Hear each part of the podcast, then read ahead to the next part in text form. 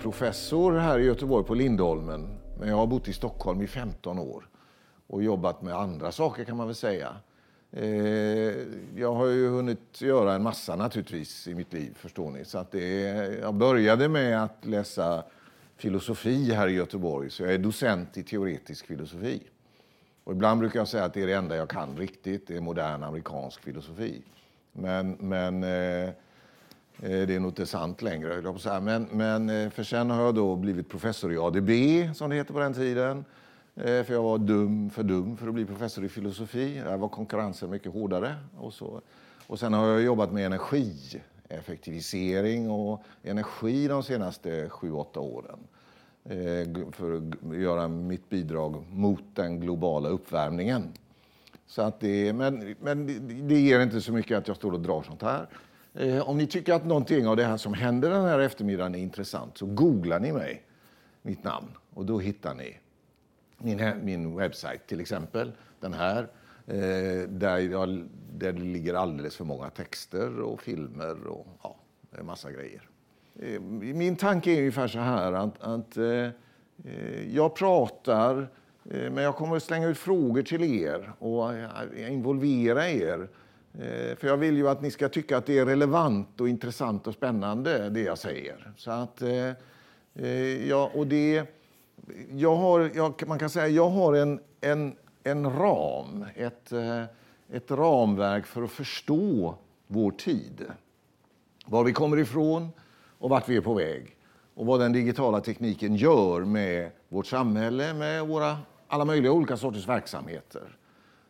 Så att, Eh, och jag tror att det kommer att framgå ganska snabbt eh, lite pedagogiskt så här. Eh, pedagogiskt är det för det, här är ett föredrag i sju kapitel. Så det är sju nyckelord kan man säga. Det är också så att det har liksom en, en, en linje. Och eftersom de hade haft möte om metoo i början av veckan så kan man säga metoo har ju lärt oss åtminstone en sak, tror jag, nämligen att, eh, kanske mer förhoppningsvis, nämligen att 1900-talet var gubbarnas århundrade och att 2000-talet med största sannolikhet eh, är på väg att bli kvinnornas århundrade. Och det kan man ju se genom att titta på eh, hur kvinnor rycker fram på olika delar av samhället, i synnerhet i ett land som USA. Men, men, så mitt föredrag är också sånt. Det börjar med gubbar och slutar med kvinnor. Så det här är den första gubben då. Och han är i eh, tv 1964 och så försöker han uttala sig om hur det kan se ut eh, om 50 år, det vill säga 2014.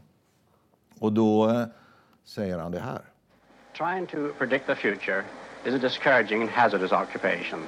The only thing we can be sure of about the future is that it will be absolutely fantastic.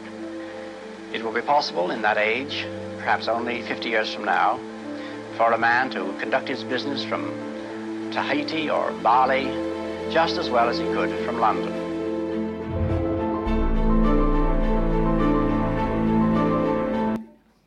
for a man to conduct his business. Ja, det var en annan tid. Det, det, men men eh, eh, det är väldigt svårt, som han säger, att uttala sig om framtiden. Han har ju rätt. Alltså, han säger någonting som är, blir väldigt sant, nämligen att arbets... Eh, arbetet blir mer och mer platsoberoende. För väldigt många yrkesgrupper är det så att de, de eh, eh kan sitta var som helst och arbeta var som helst. Det, det, eh, men det är inte det viktiga han säger, utan det viktiga han säger tycker jag det är det här att framtiden är absolut fantastic. Och det har att göra med, detta är en science fiction-författare, eh, Arthur Clarke. Han är känd för en film. Någon som vet vilken film han är känd för en större menighet? Ja. Blade Runner, men 2001, 2001 ännu mer skulle jag säga. Det, det, det, ja, det beror på vem man är. Men, ja. men, men, men, men eh, eh, han... Och varför är framtiden fantastisk? Jo, för enligt hans uppfattning då, det kommer komma så mycket ny spännande teknik och tekniken ger oss nya möjligheter, förändrar livet, innebär förändring och det är spännande. Och det är liksom huvudtemat kan man säga för hela det här föredraget, nämligen att digitaliseringen är en väldigt stor förändring genomgripande i liksom alla delar av samhället. Om man står i början av en, en samhällsrevolution så tror jag att man gör klokt i att lyfta blicken eh, lite grann. Och det är det som det här föredraget försöker göra. Och sen är tanken att vi ska kunna komma ner på eh, vilken detaljnivå som helst egentligen eh, för att se vad det betyder just för er och er vardag. Vilka möj nya möjligheter som skapas, vilka nya utmaningar eh, som dyker upp. Det, eh, det här bygger på något sätt bygger, jag tänkte mig att, att eh, en del av er åtminstone är i någon slags chefsfunktion eller ledarfunktion. Och då är det ju så att är man ledare så har man ett väldigt komplext uppdrag. Eh, och det här föredraget handlar kan man säga om det här uppdraget. Eh, att, eh, att visa vägen, att veta vart man ska. Alltså lite som Jesus. Ni vet när han går längs Genesarets sjö så reser sig timmermännen och fiskarna där och så säger de han vet vart vi ska. Vi följer honom. Han vet vart vi ska. Och det han säger, jag är vägen, säger han, sanningen och ljuset. Det, det, det, så att, och det är ju i en orolig tid när det verkar hända mycket och stora förändringar så letar folk efter ledare. Det är en olycka, men, men om de då hittar er så kanske det är bra. Det, det. Nu är det så att, att eh, vi vet hur sådana här samhällsrevolutioner fungerar. För vi kan titta tillbaka på eh, förra århundradets stora samhällsrevolution. Teknikdrivna revolution. Och, eh, nu ska vi inte prata om det förflutna, men fyra minuter kan vi lägga på det förflutna. Och då är det här en bild av Sverige i slutet på 1800-talet. Eh, och eh, jag brukar fråga, när jag visar den här bilden, så brukar jag fråga Tycker ni att det ser ut idylliskt ut? Skulle ni vilja varit med på den tiden? Det är, eh, den här flickan som står där i hölasset, hon kommer strax att flytta in till Göteborg och börja jobba i Wettergrens broderisömnadsfabrik i Masthugget.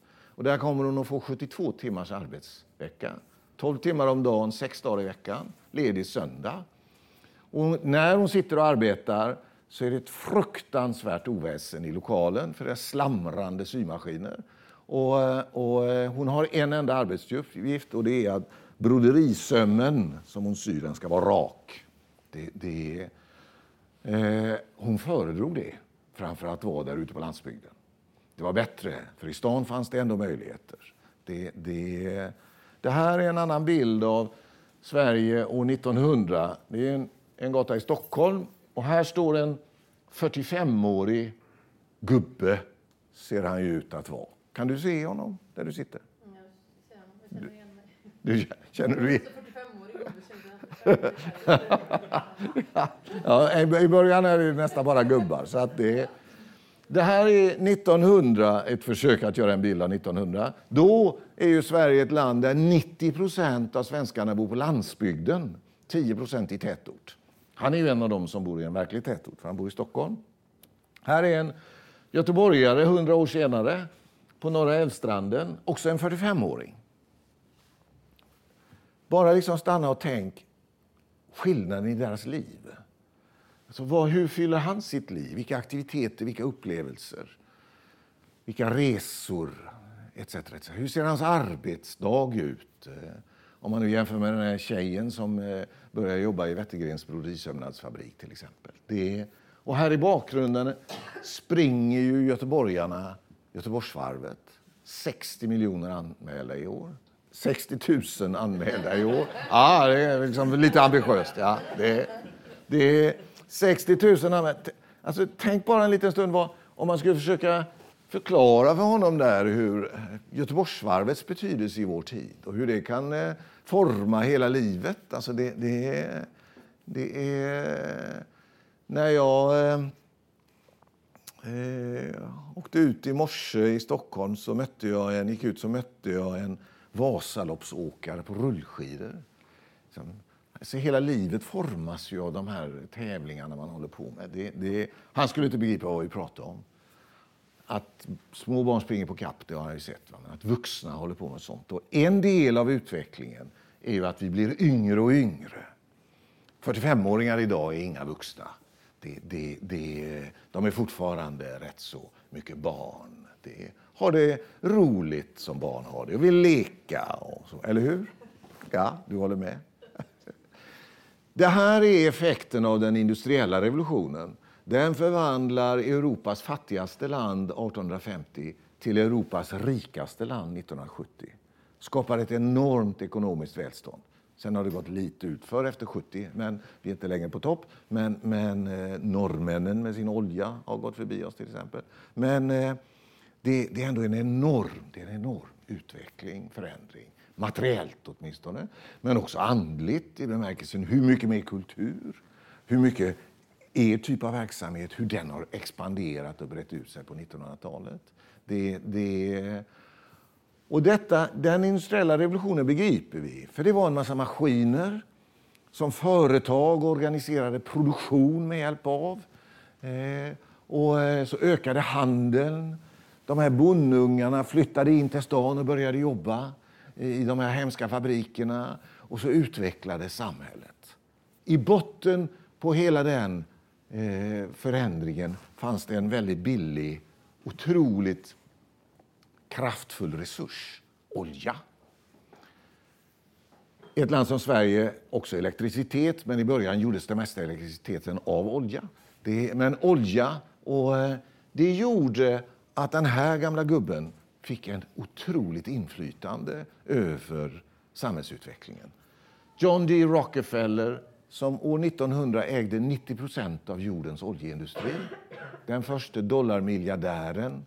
Eh, en, en, en, eh, en gubbe, får man nog säga. Det, det, det, han hade väl varit ung, men eh, han var aldrig rolig. kan man nog säga. Det, det, några år in på 1900-talet, han hade ju tjänat sina pengar fram till 1900 på fotogen, till fotogenlampor. Det, det, men i början på 1900-talet så krokade han arm med den här gubben, Henry Ford. Och vad gjorde Henry Ford?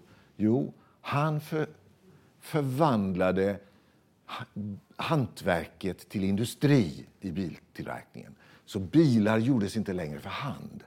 Det, det, före Henry Ford så var alla bilar olika.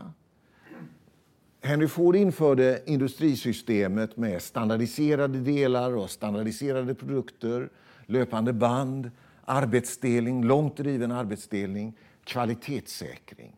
Och det är det vi kallar, det, det är det som är industri. Och det är Ford som är, det är många människor som är med och bidrar till detta. Men, men eh, Ford förverkligade det i bilfabrikerna. Och då blir de här T-Fordarna de blir så billiga att arbetarna i fabrikerna har råd att köpa dem. Och så blir 1900-talet en himla massa bilar. Och bilen blir den viktigaste produkten på 1900-talet. Under, man kan säga, som en sammanfattning av hela 1900-talet kan man säga att den, det, det, är, det, är, bilens århundrade. Det är, och de här två företagsgrupperna, alltså oljebolagen och bilföretagen, får en enorm makt över samhällsutvecklingen. Och det här är kanske första poängen jag vill göra då. Hur formas samhällen? Formas samhällen demokratiskt? Formas de av, av eh, politik, eh, av visioner? Nej, skulle jag säga. De formas av stora företag som eh, Utveckla ny teknik och med mycket ekonomisk makt få den tekniken att ta fäste i samhället. Det är klart de måste lyssna på kunderna och de måste anpassa sig efter kunderna. Men de går ofta före oss kunder, medborgare. De kommer med saker och ting som vi inte har sett förut. Men, men, eh, eh, och det som då 1900-talet, 1900-talet får därför sin prägel av oljeindustri och bilindustri. Och det blir en himla massa vägar. Om vi kunde lyfta och titta ner på planeten jorden så skulle vi se att människor har flyttat in i stora städer. Och De där städerna de är någon slags trafikkomplex. De är byggda för bilen. Och inte minst gäller det en stad som Göteborg. Det, är, det som är bra för Volvo, det är bra för Göteborg. Ja, och det sa vi i USA, det som är bra för General Motors, det är bra för USA. Det, det, det, Och I och med att vi bygger vägar och såna här trafiksystem så behöver vi mycket ingenjörer. Och ingenjörerna är just duktiga på processer. Att göra saker och ting i rätt ordning. Ni är ju alla i verksamheter med stora inslag av hantverk fortfarande. Det vill säga, ni är kvar på 1800-talet enligt den här modellen. Det är ungefär som sjukvården och skolan som också är kvar på 1800-talet i väldigt stor utsträckning. Men ni har industriella system, processer i era verksamheter också. Det, det, ni, när, när, ni, om man nu tänker sig en teaterproduktion så liksom, det är liksom en process som börjar här och ska vara färdig där. Och man kan jobba med den och öka, liksom standardisera momenten i den och, och införa kvalitetsgranskningspunkter och eh, försöka öka genomströmningen och så vidare. Det handlar mycket om att organisera och då är industrin förebilden. Det, det, det, industrin är förebilden för allt organiserande på 1900-talet. Och det, det som inte organiseras då, det är sånt som vi bär med oss från 1800-talet, hantverk. Skolan ser ut som den gör, det blir aldrig någon ordning på skolan för det är liksom en lärare i varje klassrum, en hantverkare med sitt material och ingen organisation i övrigt. Det, det, det sättet att tänka som vi alla i det här rummet då har lärt oss när vi eh, levde och växte upp i industrisamhället, det är att, att eh, energi driver maskiner och så får vi produkter. På vägen måste vi ha system. Vi måste organisera de där maskinerna. Och ibland är det människor som får stå för energin. Men, men eh, industrialisering innebär ju att, det, att, att, energin blir olja eller elektricitet och så maskiner. Och det, och det här är ju fabriker för produktion. När man väl har den, och det jag vill att ni ska se är hur, eh, hur kraftfull den är. Alltså hur, vilket överflöd av produkter den skapar jämfört med 1800-talets samhälle. När man, väl, när man väl har den där apparaten så kan man titta på en sån här bild. Det här är bröderna Wright. Eh, flyger för första gången i eh, december 1903. Eh, här ligger Orville. Han ligger ner där. Eh, där sitter en liten, liten fotogenmotor bredvid honom som driver propellen. De har byggt motorn själva och planet av bomull och träpinnar. Det, det, och de flyger. Och den här dagen när de flyger i början av december så flyger de flera gånger och längre och längre. Eh, liksom till tusen meter tror jag nästan sista flygningen var. Alltså det, det är på stranden där.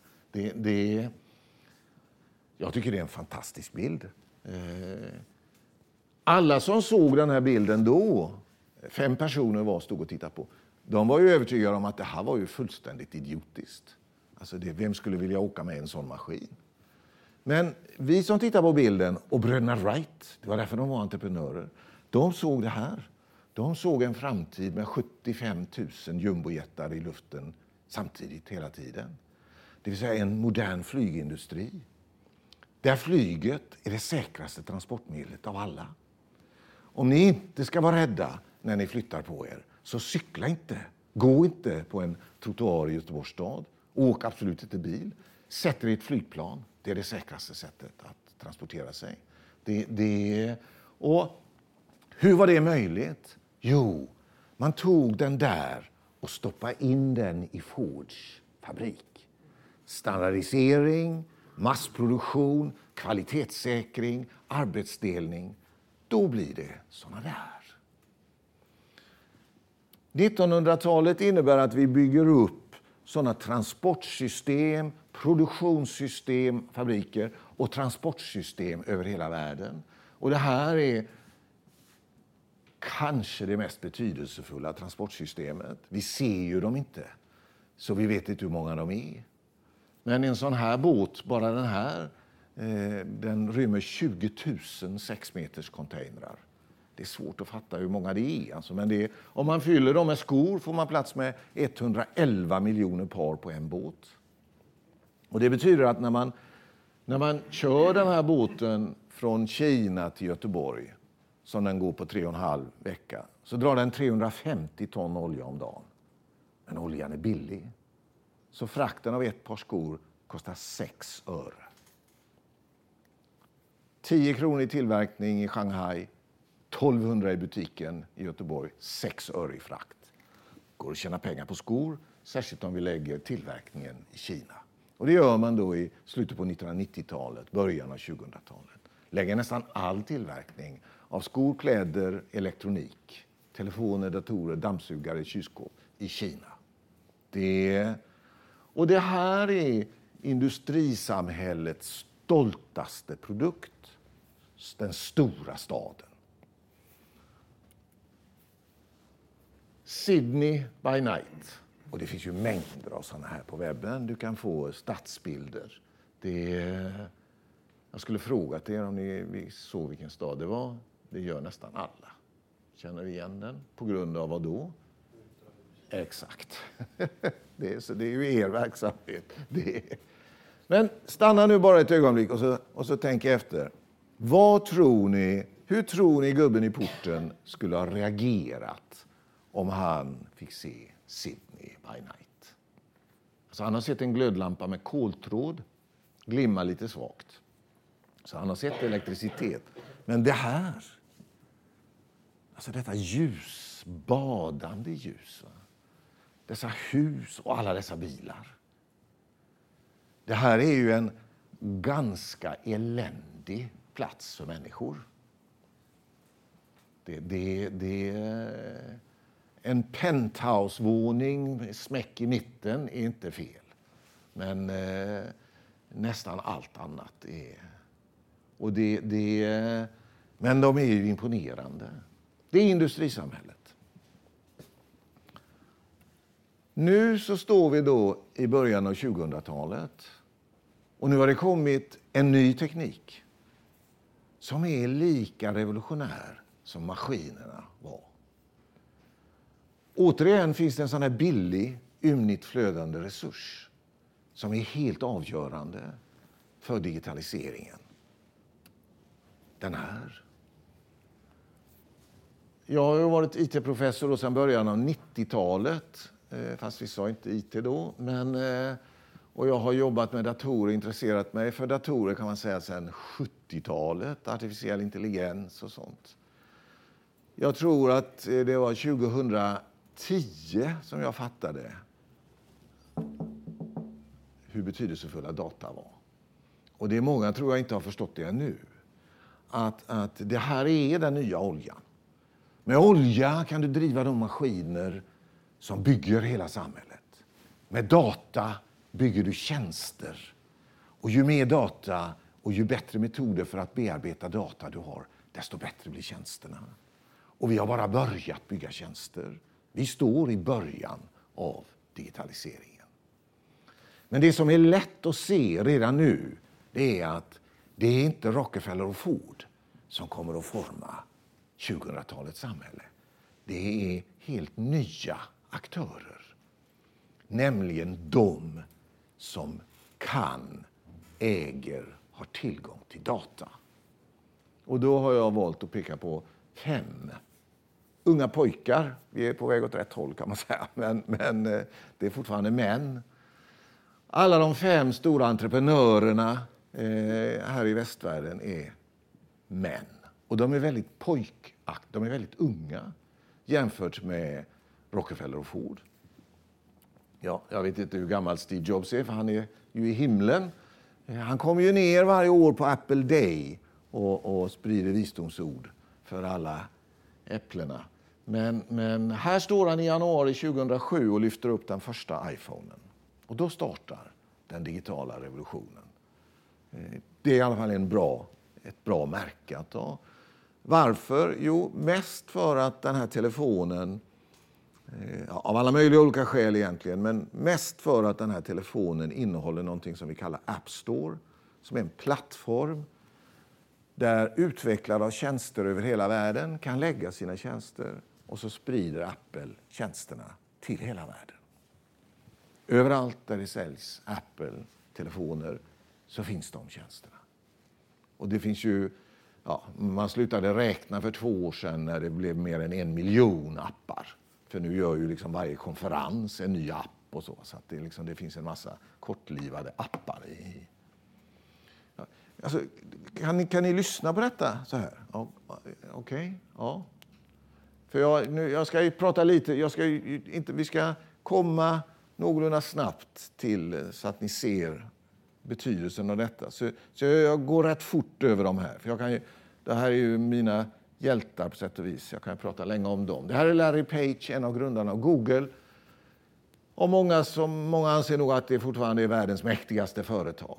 Apple är ju otroligt rikt, men, men eh, har ju en, en kassa som är större än, än, än, än många eh, liksom, alltså Holland och sådana länder. Liksom det, det, Apple är rikare än Holland, men, det, det, eh, men Google är otroligt mäktigt eftersom allt vi gör med telefonen involverar ju Google. Och Google har ju dessutom sin plattform, Android, som, som, eh, som är liksom större än, än eh, Apples.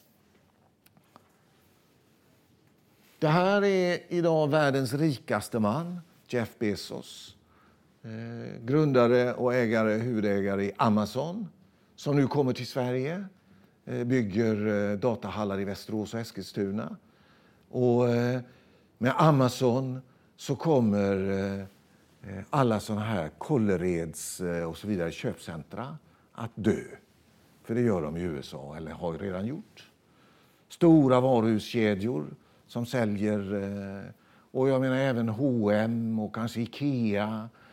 Vad händer liksom? Ja, de blir underleverantörer till Amazon för att sälja på Amazons plattform. Amazon har en fantastisk eh, plattform och en massa sådana här patent. Han tog patent på one click buy. Eh, du ska bara behöva klicka en gång så ska köpet vara genomfört. Det blev en strid om det, men han fick det patentet. Så att det, det, om ni inte har handlat något på Amazon så för allmänbildningens skull så kanske man skulle pröva det. Det är, en, en, det är ingen dum upplevelse kan man säga. Det, och där finns allting. Det, det, när han grundade Amazon 1994 så hade han redan då en vision om the everything store. Butiken på nätet där alla skulle köpa allting. Det, det, det behövs bara en. Det behövs inga förlag av olika slag. För det. Om, du gör, om du skriver en bok så eh, laddar du upp den på Amazon. Så sprids den med Amazon och så ratas den av läsarna. Och om den finner läsarnas eh, samtycke så stiger den i ratingen och då blir den en bestseller. Det, det, behövs inga redaktörer som sitter och granskar. Detta sker demokratiskt så att säga, av konsumenterna. Och samma egentligen med musik och film är ju hans ambition. Men eh, dit har han inte hunnit längre. Alltså, han strömmar musik och, och film. Men, men det är... Han betraktas av många som eh, psykopat. Han är väldigt elak mot sina... Alltså man gråter åtminstone en gång i veckan om man jobbar på Amazons huvudkontor eh, på jobbet.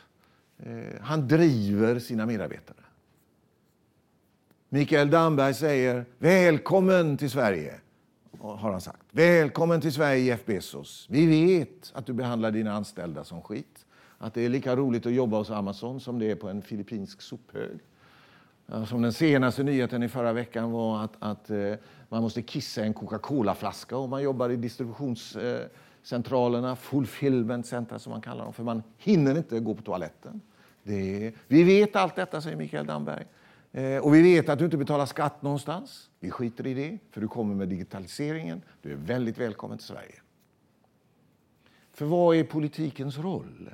Politikens roll är att bädda för Rockefeller, och Ford, och Volvo och Saab. Och hålla dem under armarna och hjälpa dem. För de skapar sysselsättning, de skapar tillväxt, det blir skattepengar och politiken är framgångsrik. Och nu är det de här, än så länge inte så mycket skattepengar men, och inte så mycket sysselsättning heller, men rätt mycket sysselsättning. 560 000 personer jobbar i Amazon, för han är ju en distributionskanal. Han äger flygplan, containerfartyg etc. etc. Han är på väg att bli världens, det är på väg att bli världens mäktigaste företag. Det får man nog säga. Det är, det här är Mark Zuckerberg när The Economist för ett år sedan trodde att han skulle bli kejsare av 2000-talet. Facebook, han har ju haft lite problem på sista tiden. Men det är inte så allvarliga problem. Alltså det, finns, det finns lite drygt tre miljarder människor som har tillgång till internet i världen idag. Av dem är två miljarder på Facebook. En miljard går in varje dag. Hälften av amerikanarna läser bara nyheter på Facebook. Han utövar ett enormt inflytande. Och nu försöker han ställa om lite för att passa ihop lite med de eh, som har upptäckt honom, kongressen och, och även eh, kommissionen i, i Europa. Då. Eh, att ställa om så att han kan, kan ta lite mer ansvar kanske. Han är ju en plattform. En plattform bara. Vi är ju bara en plattform. Vi tar inte ansvar för det som ligger på plattformen. Men nu blir han tvungen att göra det lite grann. Så att det, det... Fem pojkar sa han har hunnit bli 33 år gammal. Alltså det är helt... Alltså, världen styrs det kanske, alltså jag tycker det är, jag är så himla gammal så att det, han, han, är en barnunge. Men, det är, men alltså det är ett otroligt mäktigt företag. Det är klart han är duktig. Men de är ju entreprenörer de här. Va? Ni vet vad en entreprenör är? Det är någon som ser ett mål långt borta va? och så kanske det är lite människor i vägen. Och det var ju synd, men det är inget att göra åt. Det är liksom målet som är det viktiga. Det är typiska entreprenörer. Och sådana är de allihopa de här. Inte minst den här, som inte är Bill Gates utan Elon Musk. Och de här företagen de är digitala företag i väldigt stor utsträckning. I all synnerhet Tesla, bilföretaget. Det är ju den digitala plattformen han har som kommer att göra den stora skillnaden jämfört med den gamla bilindustrin. För att förstå den revolutionära kraften så måste man inse att på fem år 2012 lanserade han, kom hans första eh, stora Teslabil, den som heter Sedan, S-modellen, som ni kan se på Göteborgs gator. Det, den, den Teslan kom 2012. Och på de fem åren som har gått sedan dess så har hela den stora bilindustrin, inte minst Volvo, vänt om och satsar nu alla på elbilar som ska vara självstyrande och som ska organiseras i bilpooler så att vi delar på bilarna. På fem år. Det är ju väldigt duktigt av bilindustrin, inte minst ett företag som Volvo, hur snabbt det har gått. Det, det... För när han började, han hade tjänat sina pengar på Paypal. Eh, han hade gjort flera sådana startups, eh, IT-startups i slutet på 90-talet. Tjänade sina pengar på Paypal, 250 miljoner dollar. Eh, och, och, då när han funderade över vad han skulle göra med sitt liv så bestämde han sig för att han skulle stoppa den globala uppvärmningen. Och det skulle han göra genom att ge människor en elbil som de ville ha. Det fanns ju elbilar, men de var så fula. Och de var liksom så dåliga på olika sätt. Så det här är ju en vacker bil. Nu har han väldiga problem. Det här är modell 3 som ju rullas ut nu. Men det här är hans lastbil. Och han är pojke. För det står sånt här ovanför då. Ni vet vad det betyder? Badass motherfucking performance. Det här är liksom riktigt jävla performance. Liksom det, det, är kraft i den här. Jag, vet inte, jag tycker ju detta är roligt. Det är skrämmande, men jag tycker också det är roligt. Så det, det, det här är en otroligt karismatisk person. Det, det, eh, jag, som jag sa, jag har ju filosofisk bakgrund och jag har forskat i Linköping om teknik och social förändring. Och ett av de stora frågorna är liksom individernas roll och organisationernas roll och vad är det som driver förändring och så. Det, det, det, och svaret är ju alltid att, att, eh, om inte han hade kommit fram så hade det kommit någon annan och fyllt den luckan. För det fanns liksom en, en lucka här på något sätt. Men, men samtidigt, och det är ju samma i många av era verksamheter, alltså man, på något sätt är det här, digitaliseringen är väldigt beroende av sina stjärnor, av sina stars, huvudrollsinnehavare. Det och han är typiskt en sån. Då. Om ni inte har lyssnat på honom så skulle ni göra det. Alltså det han finns överallt på nätet. Han älskar att stå på scen. Eh, det Han har ju lovat att om man inte hinner stoppa den globala uppvärmningen så har han lovat att ta oss alla till Mars. Det, det, så här bygger han städer på Mars. Och, och eh, han har ett rymdfarkostföretag som är lika revolutionärt som Tesla. Och hans solcellsföretag, som är det största i USA, är också lika revolutionärt som Tesla egentligen. Det är... Så de här fem företagen, det är liksom den andra tesen nu då. De här fem företagen tillsammans och i konkurrens med motsvarigheterna i Kina. För på de senaste tio åren har det vuxit upp lika stora företag i Kina. Tencent, eh, Alibaba, Baidu, allt vad de heter. Det, men som företrädesvis finns på den kinesiska marknaden, även om många svenskar har handlat på Alibaba eller på någon av Alibabas handelsplatser. Det finns flera stycken. Men, men, eh, men vi lägger Kina åt sidan. Om ni vill så kan vi ta upp det och diskutera det lite, men vi lägger Kina åt sidan. Så de här fem företagen då, det är de som bestämmer hur 2000-talet ska bli. Det är inte klokt. Det är alltså att, att det liksom får vara på det sättet. Jag är ju student 68, så att det, det, det. Men eh, så är det. De eh, utövar en enorm makt. Och det gör att om man ska försöka förutsäga framtiden så är det bara att fråga Google vad de vill. Eller Apple vad de håller på med. Och då ser man att eh, Google vill fylla våra städer med såna här. Jag tror att de kommer att lyckas med det. Teslarna får man ha och köra ute på landet. Det, det, eh, och om man, om man hade såna här i Göteborgs stad så skulle möjligheterna bli enorma att utveckla stan.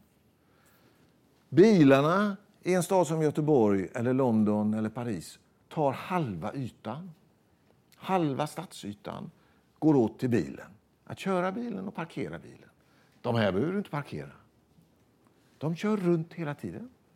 Utom när de ska ladda sig på nätterna kanske kör de ut i utkanten av stan där det finns plats och lägger sig under stenarna som gråsuggare så laddar sig. Och så kommer de tillbaka på småtimmarna och de kompletterar kollektivtrafiken. Och i en stad där det regnar som Göteborg är det liksom fantastiskt. Du kommer torrskodd dit du ska. Det, det, men det kommer att finnas elcyklar och alla möjliga olika sorters små elfordon som gör att det blir rätt tyst i stan och ett, en helt annan stad. Jag vet, för jag har hållit föredrag för dem, att Göteborgs stad inte planerar för den här typen av bilar. Utan bygger en gammal... De gör inte så många parkeringsplatser, det gör de inte.